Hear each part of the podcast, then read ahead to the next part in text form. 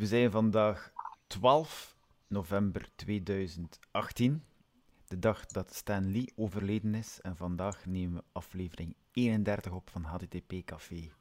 Welkom allemaal, welkom ook alle mensen in de stream. Ehm, wij danken Chris en Kevin voor de feedback wat betreft het geluid. Het is eh, de derde keer dat we opnemen, maar nu is het geluid goed. En eh, met dank aan de stream zijn we er zeker van. Ehm, heren, wie is Stan Lee?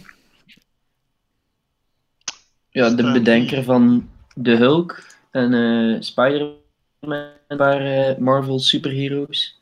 X-Men ook. Ja, De, de Ik denk bijna allemaal dat ze van hem zijn. dus eigenlijk mijn hero zonder dat ik hem kende. Ja, de meneer die in alle Marvel-films een klein rolletje speelt.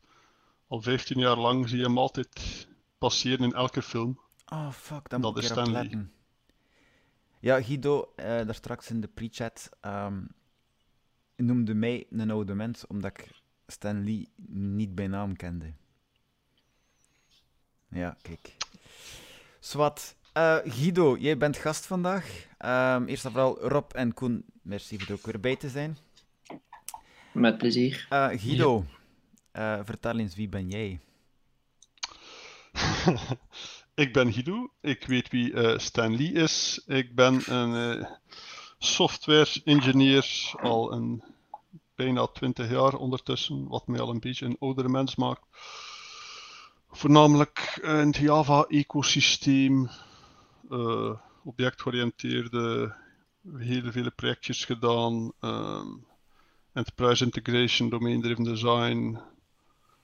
Dat zijn zo wat de, de zaken die het meest op mijn vacature, eh, mijn vacaturelijst, op mijn cv staan.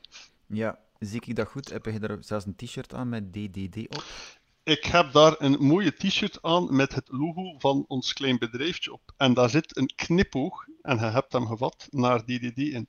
De kleurtjes zijn ook een knipoog, maar die zou je toch, de software developers zouden die, die toch ook moeten... eh, Ik zou, ik zou- RGB?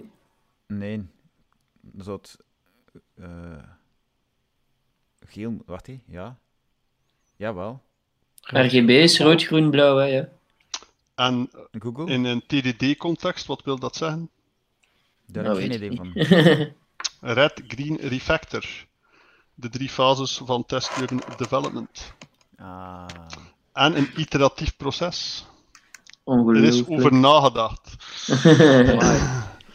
Anders kunnen we ook even een podcast doen over test-driven development, want eh En wel.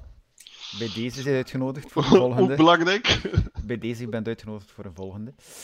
Ehm, we komen direct aan het onderwerp van vandaag, namelijk eh, DDD, Design Driven Development. Maar eh, ik kreeg zo net een vraag binnen, allee, een, uurtje, eh, een dagje geleden, van een, een, een, een luisteraar van ons. Hey, HTTP Café podcast, vraag je voor de volgende podcast in die tijd over. En wel, we maken er van eerste keer tijd van.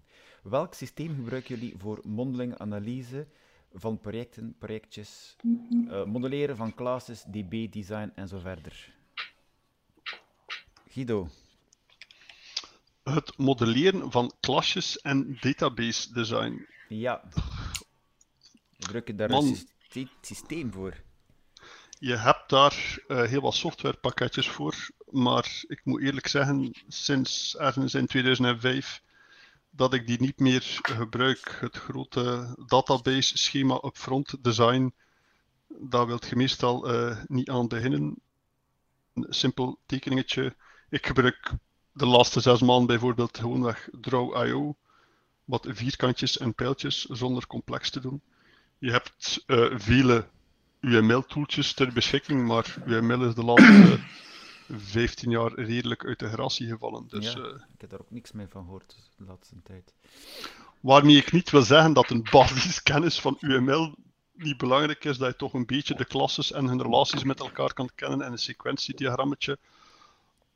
Maar ik gewoon wat vierkantjes en wat pijltjes, het is het idee dat belangrijk is. Mhm. Eh, de zware IBM-tools, wat waren ze daar in de tijd allemaal?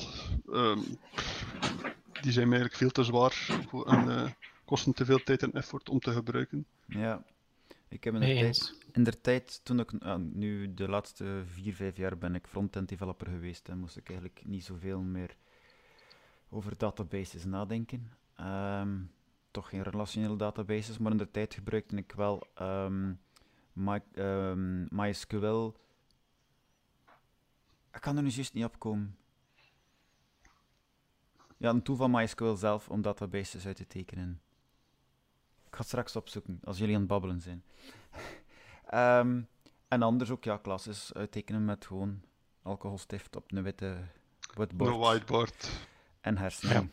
Ik Dan kan je gemakkelijk te refactoren en zo. Ja, met de Dan een fotootje. Met de dan. vingers. Ja, fotootje sharen en voilà.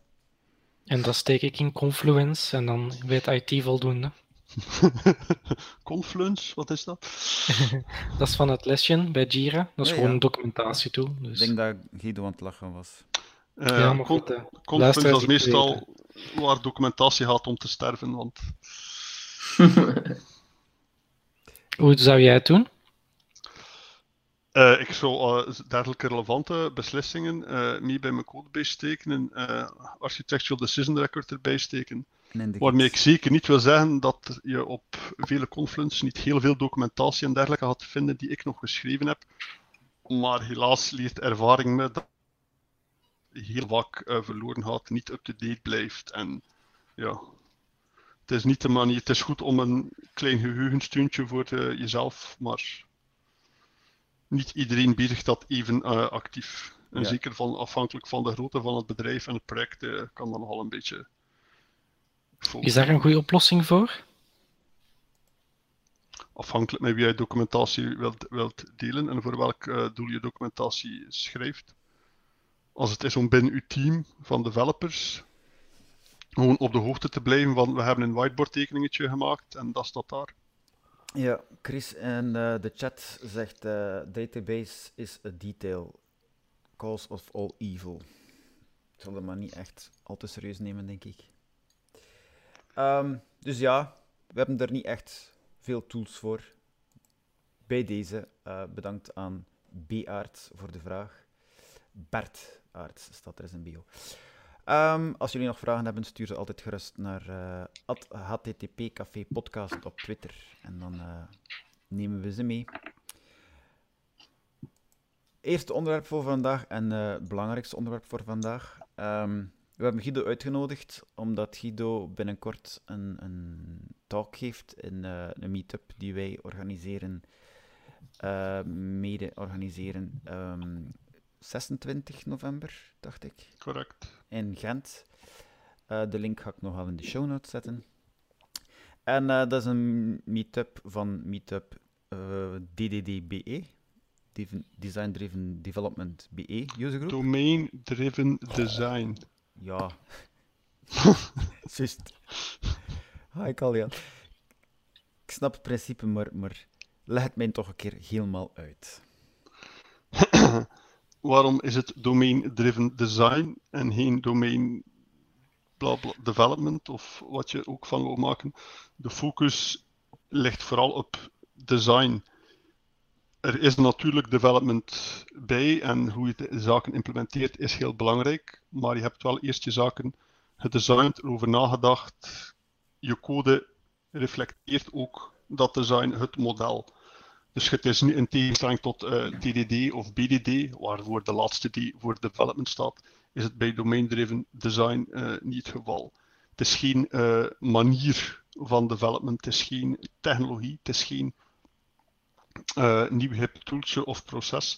Het is, eh, de originele definitie is een filosofie om op een bepaalde manier softwareontwikkeling zijnde ik ga een oplossing maken die gedreven is zijnde het probleem dat ik probeer op te lossen.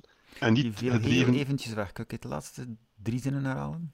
de laatste drie. Domain-driven design is eigenlijk een, eh, een filosofie waar dat je zegt van ik wil een oplossing designen waarvan het design voortkomt uit het probleem dat ik wil oplossen. Niet, vandaar onder andere denk ik ook Chris een oplossing over databases, niet vanuit ah, ik heb een rationele dat bepaalt mijn oplossing. Ah, ik heb een SQL server, dat bepaalt mijn oplossing ah, ik heb hier toevallig eh Spring Frameworks gehybernated, dat bepaalt een oplossing. Nee, dat zijn technische details, dat zijn tools zoals een hamer, een zaag uh, en alles, Mhm. de manier waarop je iets bouwt. Wat je bouwt en hoe je dat ontwerpt, dat is de filosofie van driven design van ik wil iets ontwerpen dat echt matcht op mijn domein dat ik probeer, waar ik het probleem probeer op te lossen. Maar eigenlijk is alles goede software dan toch DDD? Correct. DDD in de beginjaren werd eigenlijk ook eh, veel gezegd als object-georiënteerd programmeren done right. Dat is in het blauwe boekje van, ik heb het hier niet geheel toevallig liggen, dus ik had maar een keer eh, het originele blauwe boekje van Eric Evans uit 2004. Hij heeft daar geen nieuwe dingen verzonnen. Hij heeft vele dingen een naam gegeven. En dat is de kracht, de kracht daarvan. Maar hij verwijst ook constant naar eh, XP practices, naar iterative development, eh, de hexagonale architectuur. Bedoel, die ken je ook buiten domain-driven design context. Binnen het domain-driven design wereldje, eh, zou ik nu noemen, maar binnen dat gegeven heb je zaken zoals event sourcing, CQRS, eventstorming, die daar populair zijn door gemaakt. Het ene is, sluit het andere niet uit, of het is niet omdat je event sourcing doet, dat je domain-driven design doet. En vice versa. Ja, nu ga je een beetje heel snel over veel technische termen die voor sommige luisteraars eh te rap zijn. Voor mij ook trouwens. Ik kan juist zeggen, inclusief mezelf. Oké, shoot. De laatste twee Ehm, termen. Event, ehm, event sourcing. ja. Wat Dat bedoel je is- daarmee? Ehm, event sourcing is een manier waarop dat je zaken persisteert. Je kent allemaal de klassieke relationele databanken. Maar wat je eigenlijk, denk aan eh, je bankrekening. Mhm. Je bankrekening gaat niet als relationele databank telkens je balans updaten.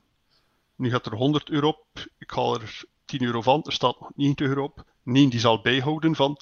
Jelle heeft 10 euro ervan gehad. Jelle heeft 10 euro gestort. Er is 50 euro afgehaald.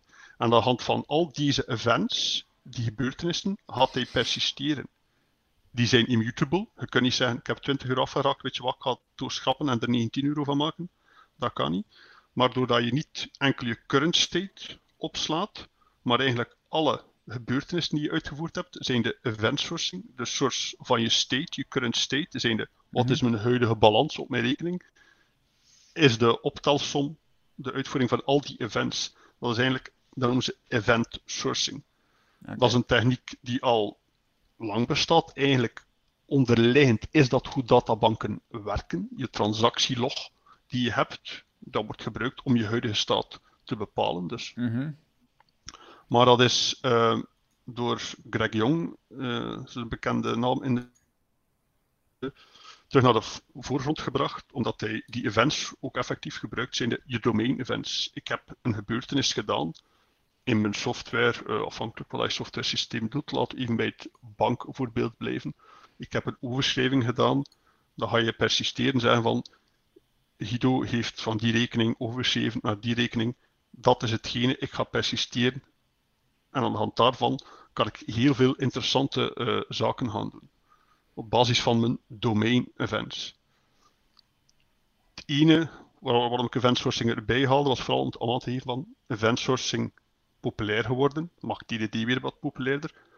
Maar je kunt perfect domain-driven design doen zonder event sourcing. En je kunt perfect event sourcing doen zonder domain-driven design. Het ene zijn tools waarmee je het andere kunt uitvoeren. Volg je me nog? Het is eh, voor mij nog steeds abstract. Ik weet niet, de heren? Ja, het is enorm abstract, maar ik denk dat het iets is wat daar moeilijk uit te leggen is aan, concre- aan de hand van concrete voorbeelden, als ik het een beetje begrijp. Om het domain-driven design, als ik het met het technologie en tools voorbeeldje zou zeggen, is van ehm, goed lekker kunnen koken. Laat ik het zo zeggen. Mhm. Ik kan lekker koken. En om lekker te kunnen koken heb ik in mijn keuken allerlei tools liggen. Nu, die tools gebruik ik om lekker te kunnen koken. Mhm. Maar als ik niet die bepaalde tool heb, kan ik misschien op een andere manier nog altijd lekker koken. Ja, ja. Het ene is niet noodzakelijk verband met het andere. Maar wij zijn developers. En wat zijn developers? Zijn geïnteresseerd vaak nieuwe technologietjes, nieuwe tools. Mhm. Dus wat is er gebeurd bij eh, toen het blauwe boek uitkwam? Hij heeft, eh, Erik Evans heeft daar ook een deel patterns, echt eh, software patterns gedaan, een beetje als de Gang of Four, maar dan eh, repositories, aggregates, value objects. Dat zijn objectgeoriënteerde patroontjes. Allee, toen, je kan ze ook in een functionele programmeertaal gebruiken natuurlijk. Maar... En de developerwereld is vooral daarop gefocust geweest. En die zei van, oh, als je domain-driven design doet, dan moet je aggregates gebruiken, dan moet je repositories, al, al, die, al die zaken hebben we nodig. Dat is om te zeggen, ah, als je wilt koken, ah, dan moet je je pan gebruiken en heb je een mixer nodig. Ja, niet noodzakelijk. Ja, is, is, is die idee nu net niet het loskomen van de tools op zich en altijd de focus houden bij de oplossing? Correct. Dat is in mijn opzicht, en uh, als ik uh, alle boekjes die ik toch allemaal gelezen heb, is het ook van, je wilt gaan designen en de tools zijn een middel voor. In de opening van het boek zegt Erik ook van, ja, ik ga hier, dit is wat we willen. We willen een oplossing die bepaald wordt door het probleem dat we willen oplossen, wat nogal de evidentie zelf is, zou je denken. En dit zijn een paar technieken, tools, die daarbij kunnen helpen. Maar vaak is er uh, de foute opmerking, wij kijken rap naar de tools. Ja, dat is eigen aan, aan veel developers. Hè? En aan een boek. Het heeft, uh, het, lange tijd was het blauwe boek het enigste boek. Dus dan denken mensen, ah, het staat niet in het boek. Ja, maar dan, dan is, dan is het geen domain-driven design. Het was een goede zaak toen Greg Jong en, en, en Udi Dahan met uh, event sourcing en CQRS uh, technieken kwamen. En die kwamen vanuit en dat toepasten in een domain-driven design context. De mensen zeggen, ah, maar domain-driven design is geen afgebakend geheel. Het is geen, dit zijn de patroontjes en dat is het. Wat totaal niet het idee is. Domain-driven design is echt al een filosofie. En, en het doet mij enorm denken aan uh, user-centric design. Dus eigenlijk een beetje hetzelfde. Allee, het is ook een filosofie waarbij dat de eindgebruiker centraal staat. Uh, ik, ja, ik zou niet, de vergelijking gaat niet helemaal op, maar ik snap, wat hij, ik snap wat hij bedoelt. Je hebt een doel en je hebt middelen om dat doel te bereiken. Ja, het, het is eigenlijk gewoon, een, allee, als ik het zo hoor, gewoon maar eigenlijk een, een, een reminder van, mannetjes, schrijft goede software. De bedoeling is dat de software doet wat het moet doen en de, welke tools je gebruikt, dat is minder relevant als de, tool maar, Ja. als de oplossing maar doet wat het moet doen.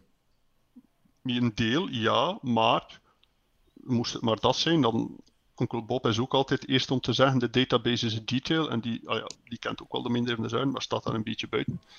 Domain-driven design wereld gaat ook heel erg de nadruk leggen op interactie met de domain-experts, met de business. Ook om te gaan vragen van, ja, wat is jullie probleem echt? En wat is jullie domein? Als developer, als softwareontwikkelaar, als designer, moet je weten, ja, maar snap ik jullie probleem eigenlijk wel? Wat, welk probleem wilt je opzoeken? En om dat te kunnen weten, want dat klinkt heel simpel, maar dat is niet zo ev evident, um, heeft Erik, en dat was wel een van de revelaties, de denk ik, heel erg het uh, belang van taal naar voren gebracht. Je vaak de term in DDD, de ubiquitous language. De taal die iedereen spreekt, die iedereen verstaat. Dat wij, als wij met elkaar praten, onder deze term hetzelfde verstaan. En aan de hand van uh, continue gesprekken met de, met, met, met de klant en met elkaar, kun je eigenlijk naar correcte definities gaan zoeken. En kun je ver, verborgen concepten naar boven halen. Dat je geen te simplistische versie van de software bouwt. Denk van, ah, het is eigenlijk niet moeilijk, het is maar wat data naar daar zetten, wat transformaties opdoen, hop, en de kous is af.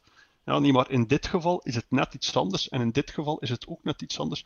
Wacht, hebben we het allebei wel over hetzelfde? Want we spreken allebei mm -hmm. wel over een goed, maar voor u is dat een bestelling en voor u is dat een shipment die moet afleveren. Daar hangt andere logica aan. Ook al kan dat allebei geïdentificeerd worden door dezelfde serial nummer bij zou spreken. Ja, ik heb nog software gezien die, als je de softwarepakket bekeek, kon je gewoon de database erbij tekenen. Waar ik mee wil zeggen, die developers die hebben gewoon uh, eh, de database gemaakt en vanuit de database de frontend gebouwd.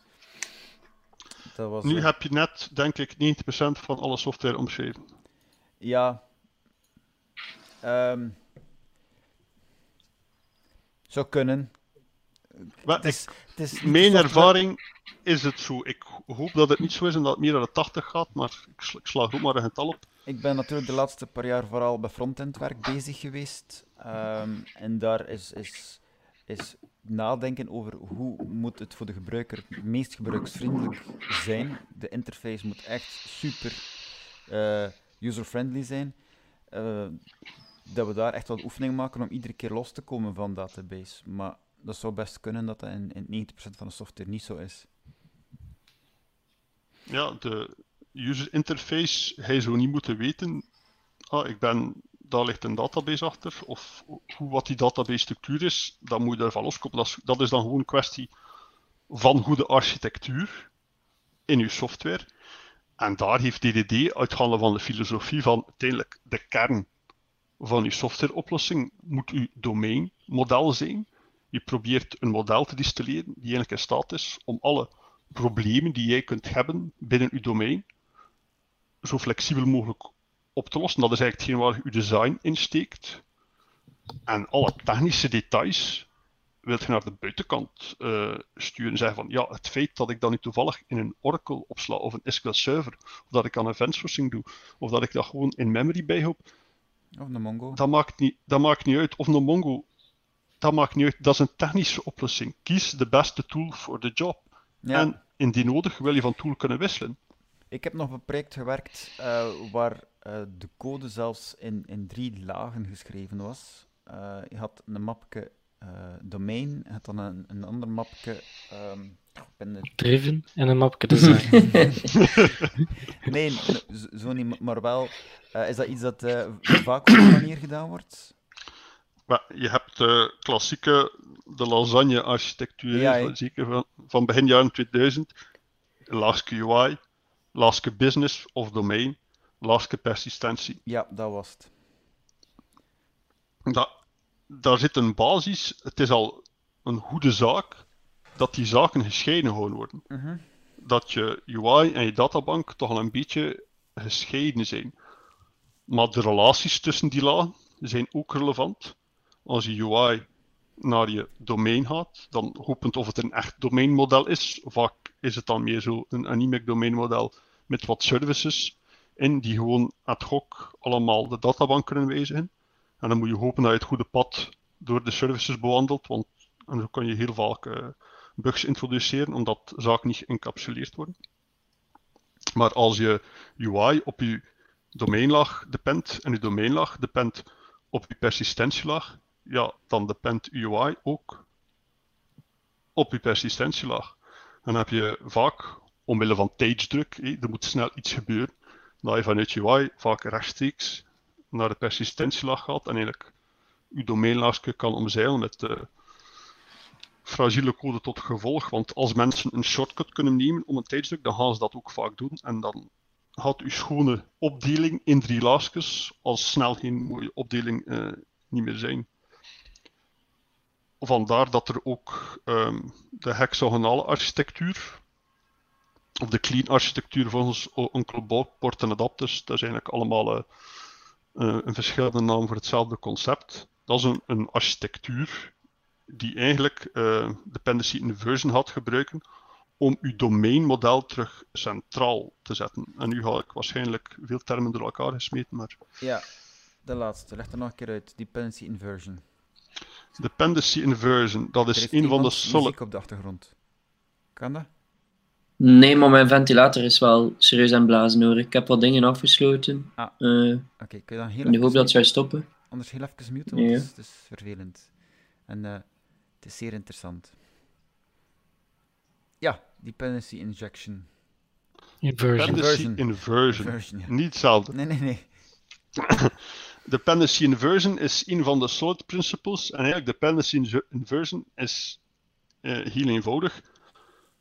A gebruikt B, B gebruikt C, bij gevolg A gebruikt C. Ja. dependency inversion is eigenlijk dat mijn pijltje gaat omdraaien.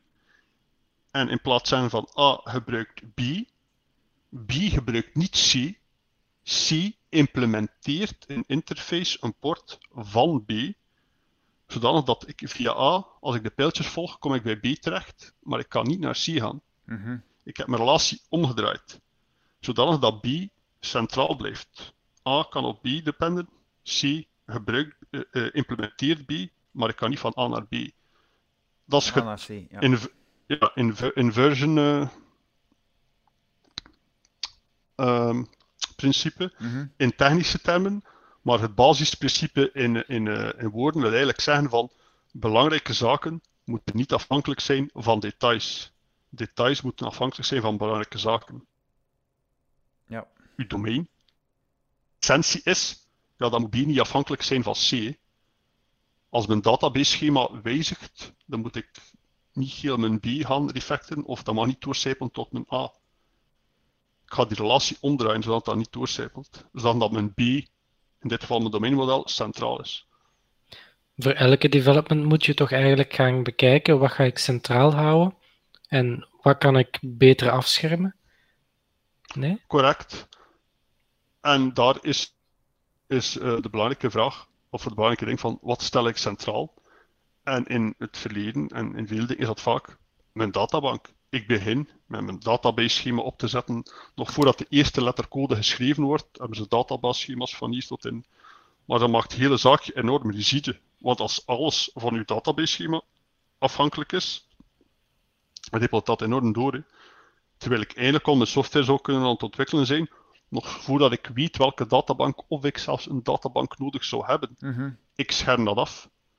Doordat ik die relatie omdraai, kan ik eigenlijk in eerste instantie gewoon een in-memory lijstje bijhouden. Er zit nog geen databank in. Ja, hoe dat ik dat meestal doe is niet in memory, maar ik pak een blad papier, ik leg dat naast mij en terwijl ik programmeer begin ik op te schrijven welke tabellen dat ik nodig heb.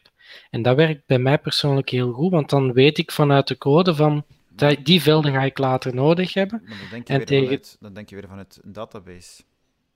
Nee, ik, ik, begin vanuit de code te programmeren. En als ik een veld nodig heb, dan schrijf ik het erbij. En dan nadien ga ik kijken op dat lijstje van hoe groepeer ik dat of hoe ga ik daarmee om. Is dat dan een betere manier om Domein- ik volg Jelle ergens wel. Je begint weer vanuit je database. Natuurlijk, ik heb deze tien velden. Ik ga die ergens moeten persisteren. Ooit. Eigenlijk maakt mij dat zoveel niet uit. Ik ga mijn, eh, mijn code zitten, mijn, mijn klasse, mijn domeinmodel zitten oriënteren. En ik wil mijn domeinmodel. Stel, ik heb één klasse, tien velden, whatever. En ik ben aan het programmeren, mijn, mijn user stories aan het implementeren. En ik zeg, ja, die tien velden in die ene klasse, eigenlijk, dat schendt single responsibility. Eigenlijk zijn dat drie klassen met elk hun eigen verantwoordelijkheid. Die hebben een relatie met elkaar, maar ik wil dat ad hoc. Want ik kan een gesprek hebben met een domeinexpert die zegt, ja, maar ja, dat, dat klopt niet wat je zegt. Die zaken horen samen om reden X.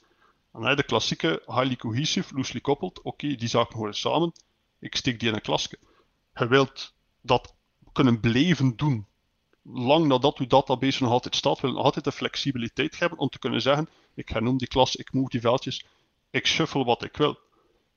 Mijn persistentie ervan, dat is een andere zaak. Dan zeg ik van, beste database laag, persistentielaag, hier, ik heb iets voor u, trek uw plan niet, en die is dan verantwoordelijk van, ah, ik krijg hier tien veldjes, die tien veldjes zitten samen, of zitten over drie klasjes verdeeld, wat het ook mag zijn, ik persisteer die naar wat ik weet dat de beste manier is om ze te persisteren, ook afhankelijk van hoe ze opgevraagd worden en dergelijke. En dan kunt je database modellering volledig apart doen als van je domeinmodel modellering. Ja, ik weet bij ons eh, als front-end developers, ik doe Angular.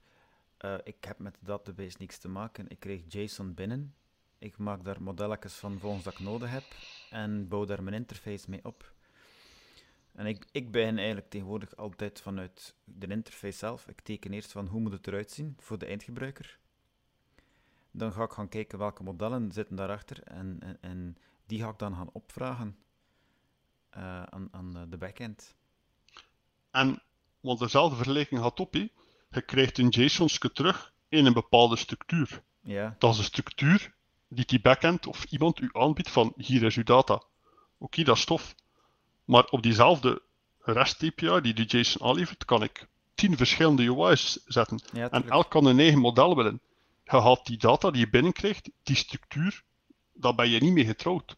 Je kunt zeggen dat is tof, maar om mijn deze schermen te implementeren, deze functionaliteit, ik ga dat zo modelleren.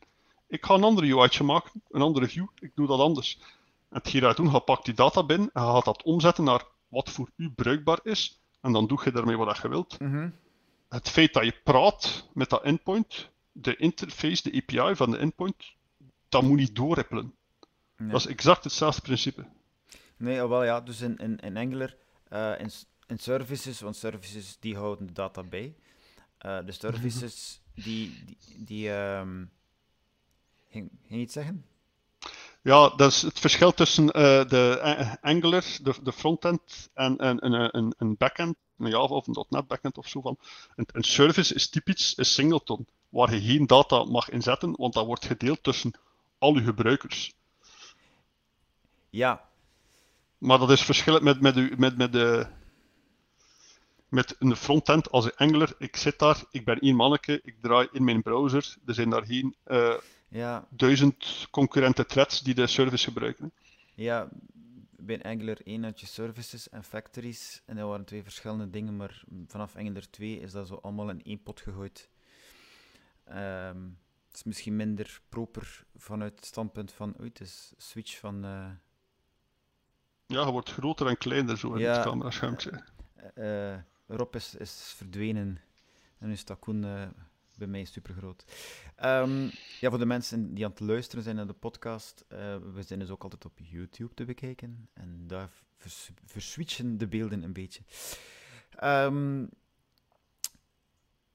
dus ja, ik, ik, de data komt binnen ehm, vanuit een REST API. En die wordt eh, via modelletjes eh, ja, ik weet niet of ik dat nu best uitleg.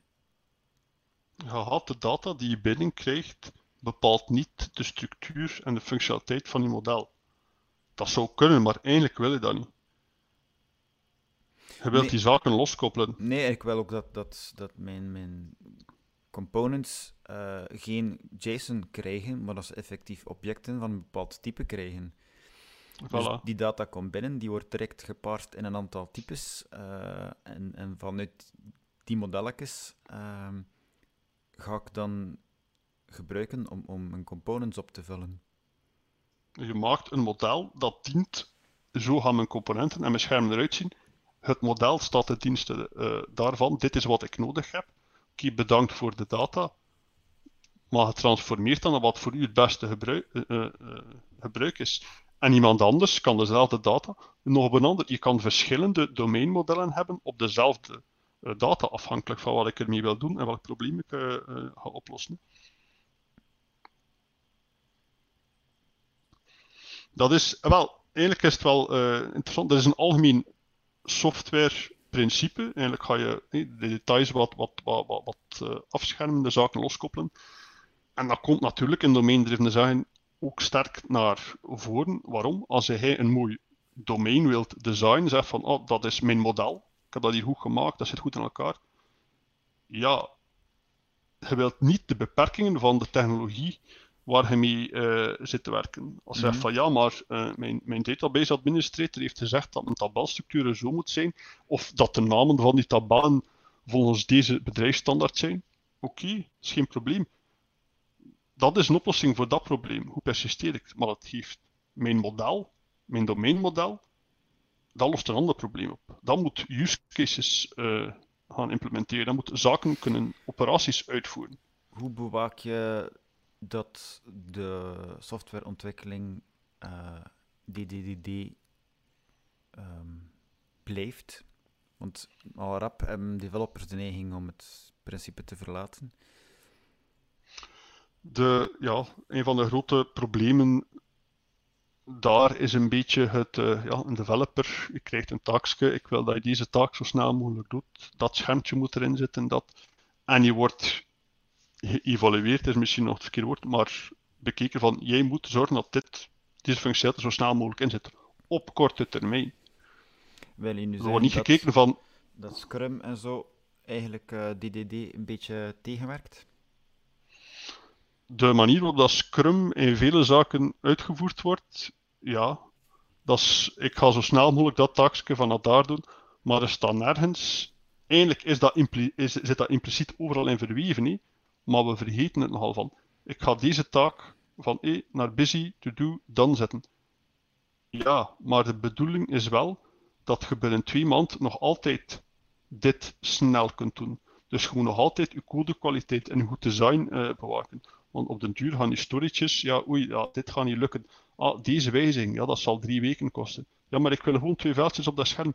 Ja, maar dat zit verweven daar. En als we daar, dan gaan we daar breken. En dan gaan er zitten daar. En het korte termijn visie en ook recht dan kijk product owners, scrum masters of van wie de druk ook komt, als die mensen enkel kijken naar de functionele attributen van de software, zijnde van deze story moet af, dit schermpje moet nu X of Y doen, en niet kijken van ja, maar we moeten zorgen dat deze software nog uitbreidbaar is binnen zes maanden, een jaar, twee jaar. Want software, soft, kunnen aangepast worden is zijn belangrijkste eigenschap. Als je dat negeert, dan heb je sowieso vodden. Ja, los, los van DDD, dat is gewoon van, ja, dat is goed van, ik maak een prototype, ik test op het werk en daarna smijt ik het in de vuilbak. Oké, maar het is veel belangrijker dat je software is, dan dat het volledig af is. Want als het af is en ik kan het niet meer aanpassen, ja, sorry. Maar ik kan nog alles aanpassen, maar het is nog niet af. Je kunt nog alle richtingen uit. Je kunt constant van, van ideeën, je krijgt nieuwe inzichten.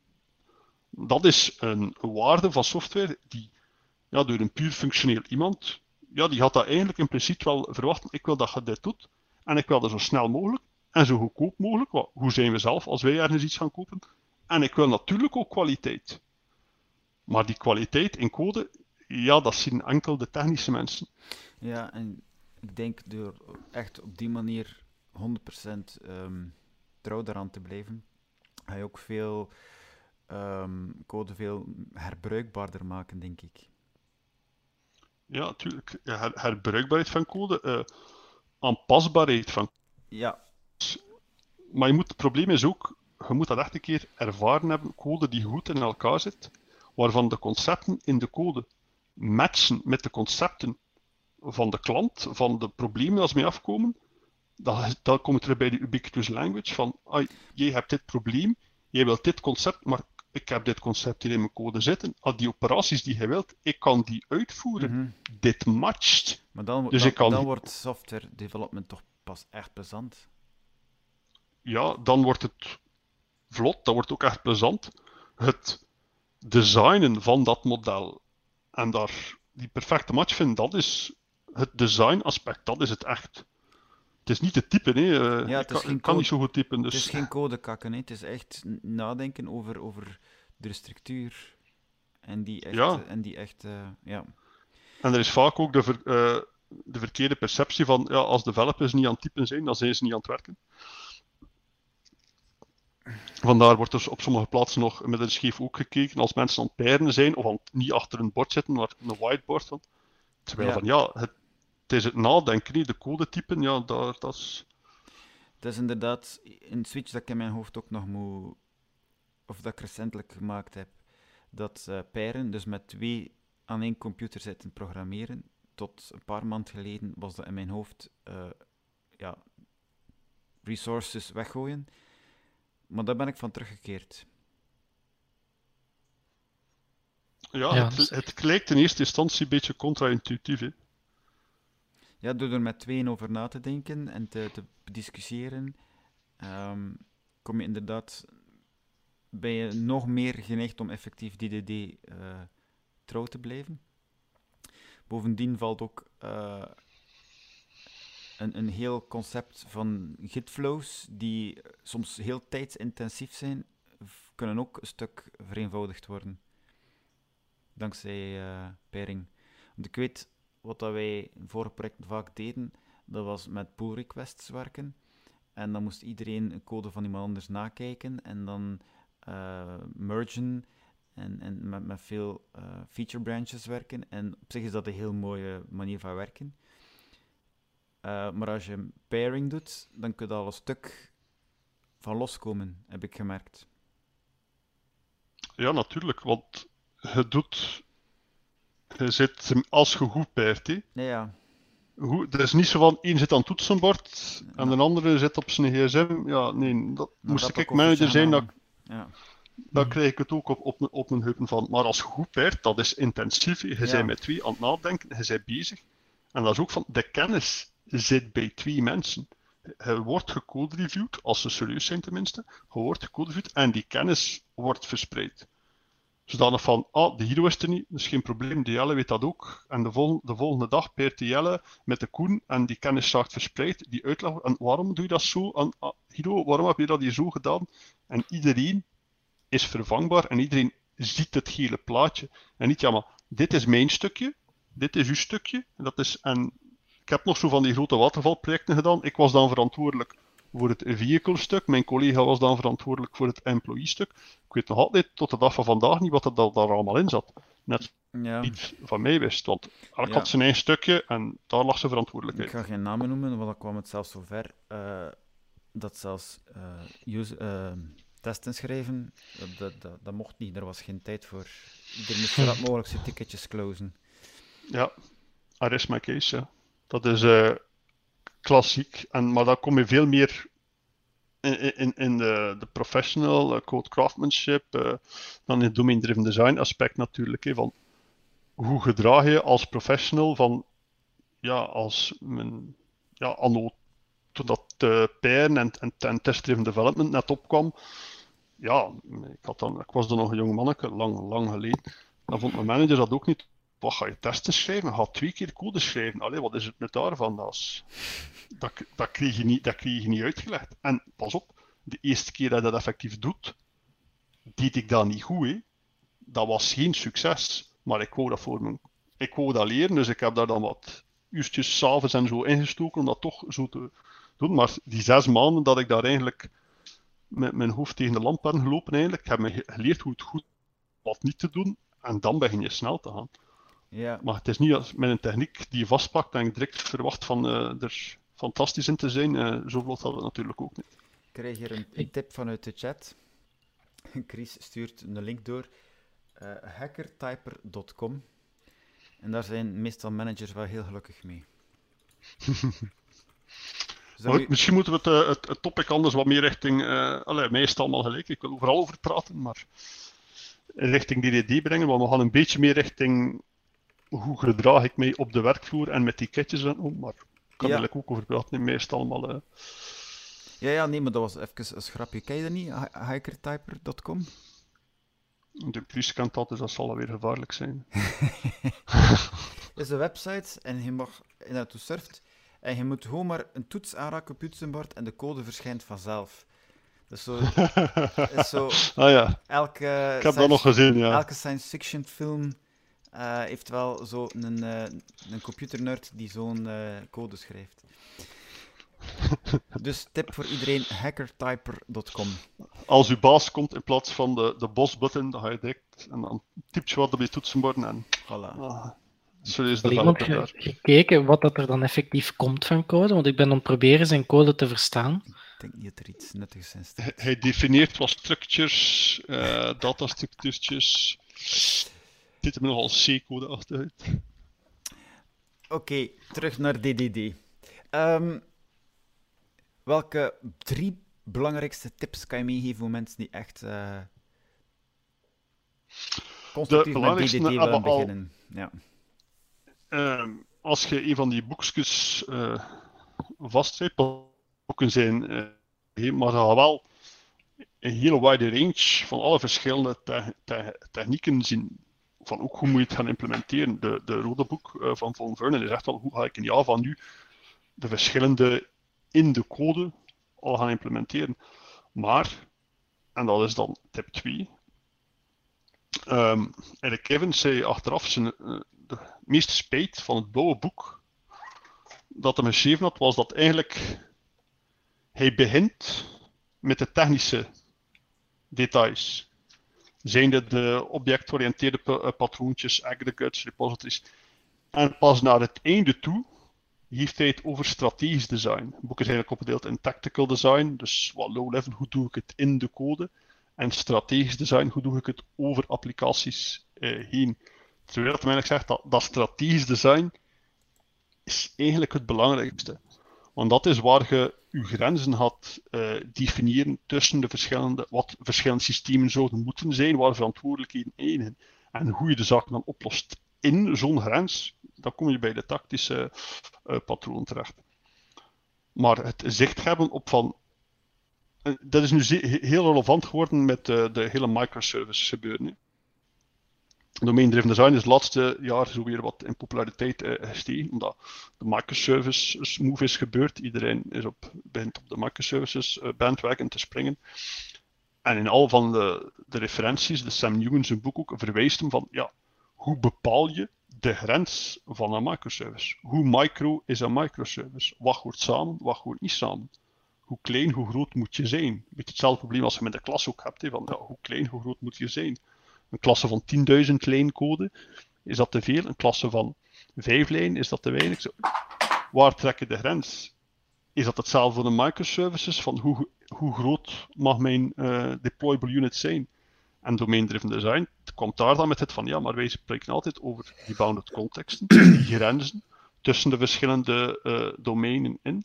En dat is eigenlijk een ideale eerste match om te zien van wat hier gegroepeerd zit, staat eigenlijk los hiervan. Dus dat is eigenlijk een ideale starting point om te zeggen van deze bounded context, bounded context is de grens van uw taal, waar je zegt van hier heb ik het over uh, een goed, en hier heb ik het ook over een goed, maar hier ze betekenen eigenlijk niet meer hetzelfde. Dit is, hier koop ik het, hier ship ik het. Oké, we zijn verschillende problemen aan het oplossen, we zitten met verschillende bounded contexten, die zaken gaan dan typisch ook in verschillende microservices uh, plaatsen. Gaat daar de hand daarvan je grenzen uh, wat bepalen. Ja. Ik ga er niet heel rap high level door, maar... Ja, ik merk het. Um, het wordt weer uh, zeer abstract. Uh, niet vergeten, mensen zijn aan het luisteren, misschien in de auto. en dan wordt het wel heel moeilijk om te volgen. Um, voor uh, beginnende programmeurs, mensen of mensen die al een beetje programmeerervaring hebben, die bijvoorbeeld uh, student-developer zijn. Um, Rob steekt zijn hand op. Uh, zelfs voor mensen die al heel wat jaren ervaring hebben, uh, klinkt het allemaal wel heel ingewikkeld. Wat ik moet zeggen zelf ook, van, van ik, ik de projecten die ik maak zijn meestal nogal klein, ook meestal op mijn eigen dat ze maak, uh, soms een keer met medestudent. Het lijkt mij allemaal nogal abstract en groot voor in zo'n kleine scenario's toe te passen, of ben ik verkeerd? Nee, je bent daar niet verkeerd in veel, ik heb de heel strategische concepten van domain-driven design, maar echt uh, beginnen begrijpen op het moment dat je inderdaad, oké, als je altijd, we maken een applicatietje en die doet één ding, dan zit je eigenlijk binnen je applicatietje.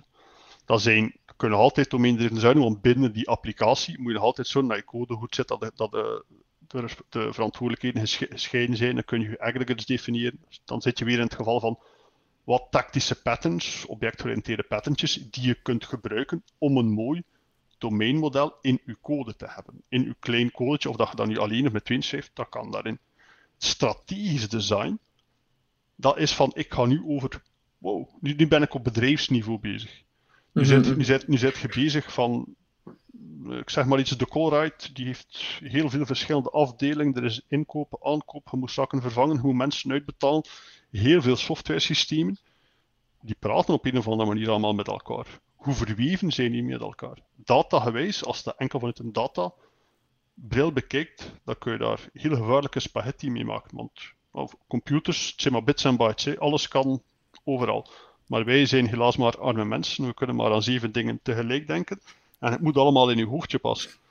En vandaar komen die grenzen dan op wat hoort er samen, wat hoort er niet samen een van de belangrijke statements die, die Erik altijd zegt is van je moet cognitive overload bewerken. Van, als, je, als te veel dingen in je hoofd zit en, en het is te moeilijk, verdeel en heers. Ik denk dat ze dat ook nog altijd in school van, oh, wow, wacht, laat ons even een stapje hoger. Van, wat is dat? dat is aankoop, oké, hij zit aankoop. Dat is facturatie, hij zegt facturatie. Uh, dat is, wat doe je nog in de winkel, ik weet het niet. We gaan al beginnen met die zaken ja. te scheiden. En die gaan op een bepaalde elkaar moeten communiceren, maar dat ga je echt willen beperken en met een duidelijk contract tussen die zaken.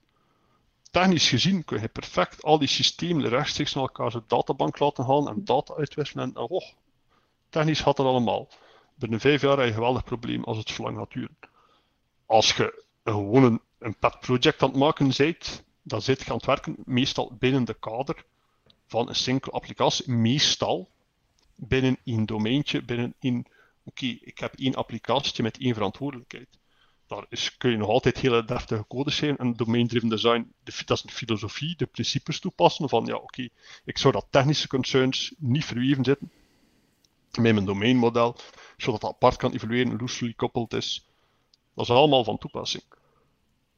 De ubiquitous language zoeken van ja, welke concepten moet ik in mijn model steken daar is het gebruik van taal en ze van, ja, wat betekent dat nu exact? Wat is dat? En denk niet aan een databank. Wat is dit ding in de echte wereld? Wat wil, voor wat wil ik dat gebruiken? Vanuit die manier denken is nog altijd relevant binnen uw kleine softwarepakketje. Maar het strategisch design, dat gaat hem over de relaties tussen verschillende softwarepakketten, verschillende domeinen.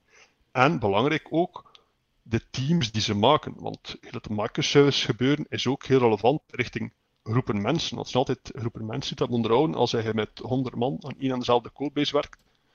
Dat is niet altijd even uh, praktisch als je met 10 man aan een codebase werkt en dan heb je 10 verschillende die met elkaar moeten communiceren. Dan kun je die grenzen beter afbaken. En dan komen we in Conway's Law en al van die toestanden. Maar... Alright.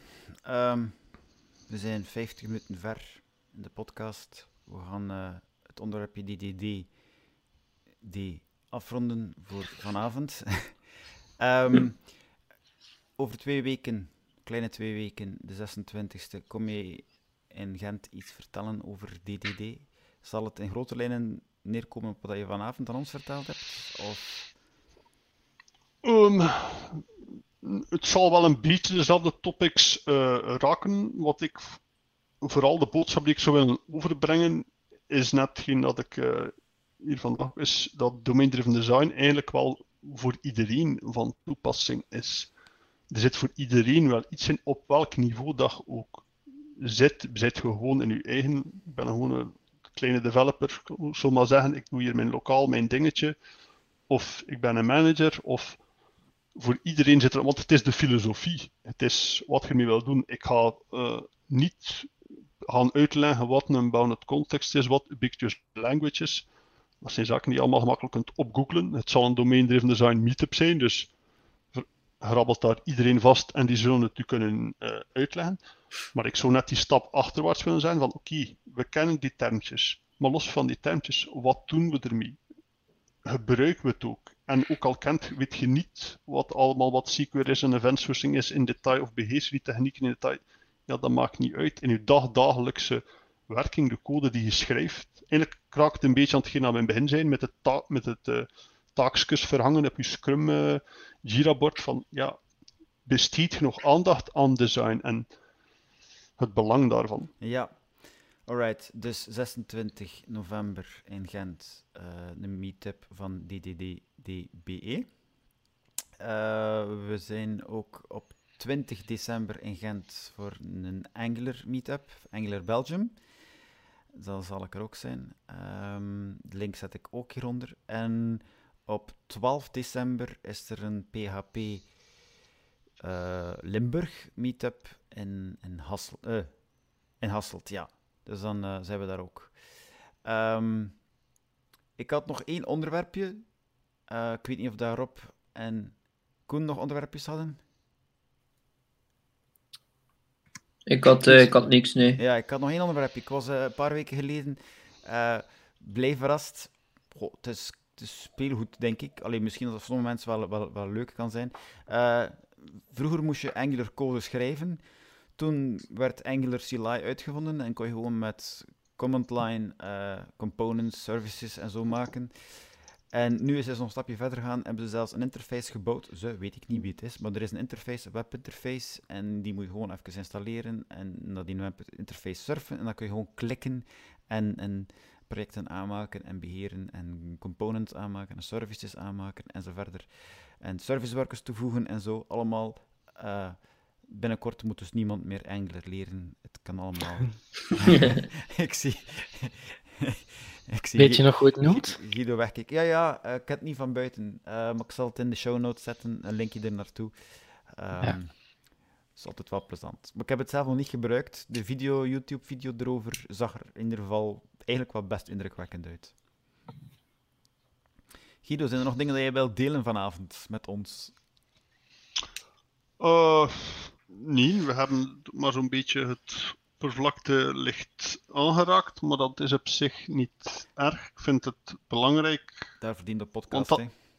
Ja, ik vind het belangrijk, want dat is voor mij vaak niet evident. Ehm, om de, of komt de boodschap over? Dus als het feit van ja, het is te abstract, het is te, of ge, je smijt wat termen naar mijn hoofd die ik niet ken, dat is zeker relevant van oeh, stop, explain this. Want Mhm. ja, als je bepaalde termen al eh, meer dan tien jaar kent, als, dan vergeet je soms van ja, je hebt het ook allemaal wel eens moeten eh, leren. Dus het is wel voor mij ook een goede reminder van, had er eh, de 26 november niet te snel van uit dat iedereen alle boekjes gelezen heeft en alle... Ja, Absoluut. ik heb ze niet gelezen. Waarvoor mijn excuses. Ja, Heb nog tijd, hè, Jelle? tegen 26. Al- al- als, je- als je deze kunt uitlezen, zijn er niet veel mensen die erin slagen om hem uit te lezen. Want hij had nogal traag. Ik, maar ik, ik heb daar in de tijd, ik las dat tijdens mijn vakantie, en dat was nogal zen. En ik dacht zo van, oh, hij moet toch in een mooie wereld leven dat je dat allemaal kunt doen zonder een manager die in je nek staat. te Hey. Allee, ja. Voor mij was dat dan een zen-moment en zo ben ik er wel in geslaagd om hem uit te lezen. Maar je kunt ook de condense versie eh, eh, lezen. En het zijn de basisideeën en principes die belangrijk zijn. Zijn er eh, bepaalde YouTube-kanalen rond DDD die de moeite zijn om te volgen? Ja, je hebt DDD Europe, dat is een conferentie die nu voor de derde keer zal doorgaan. Die, veel van die video's staan online. En de klassieker is de DDD Exchange. Dat, was, eh, dat is een jaarlijkse conferentie in eh, Londen. En typisch staan al die video's, dat is van Skills Matter, de dag zelf nog online. Daar kunt je, waar Greg QRS, event sourcing, allemaal in de populaire markt, daar heb ik eigenlijk heel veel nieuwe ideeën, informatie van oh, oh, opgesnord, want niet van alles eh, is neergeschreven of zit er in een boek. eh. En eh, tijdens het werkuren kan je zo'n een, een, een filmpje en een presentatie bekijken. Ah, een nieuw idee, ah, dat is relevant. Kijk, Domain Driven Design Europe YouTube-kanaal heeft net geen 5000 abonnees. Ik ga het aan ons, ehm, ons doel maken om hen over de 5000 abonnees te krijgen.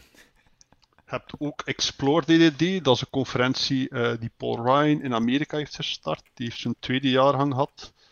Eh scheen ook veel goed te zijn. Er staan ook wel wat interessante filmpjes op. Ja, Dat zijn zowel de drie grote, denk ik. Ka- Drie? Kaczynski, Maar denk ik niet dat ze een YouTube-kanaal hebben. DDD Europe, DDD Explore en wat nog? De DDD Exchange. Exchange, die had ik gemist. Ja.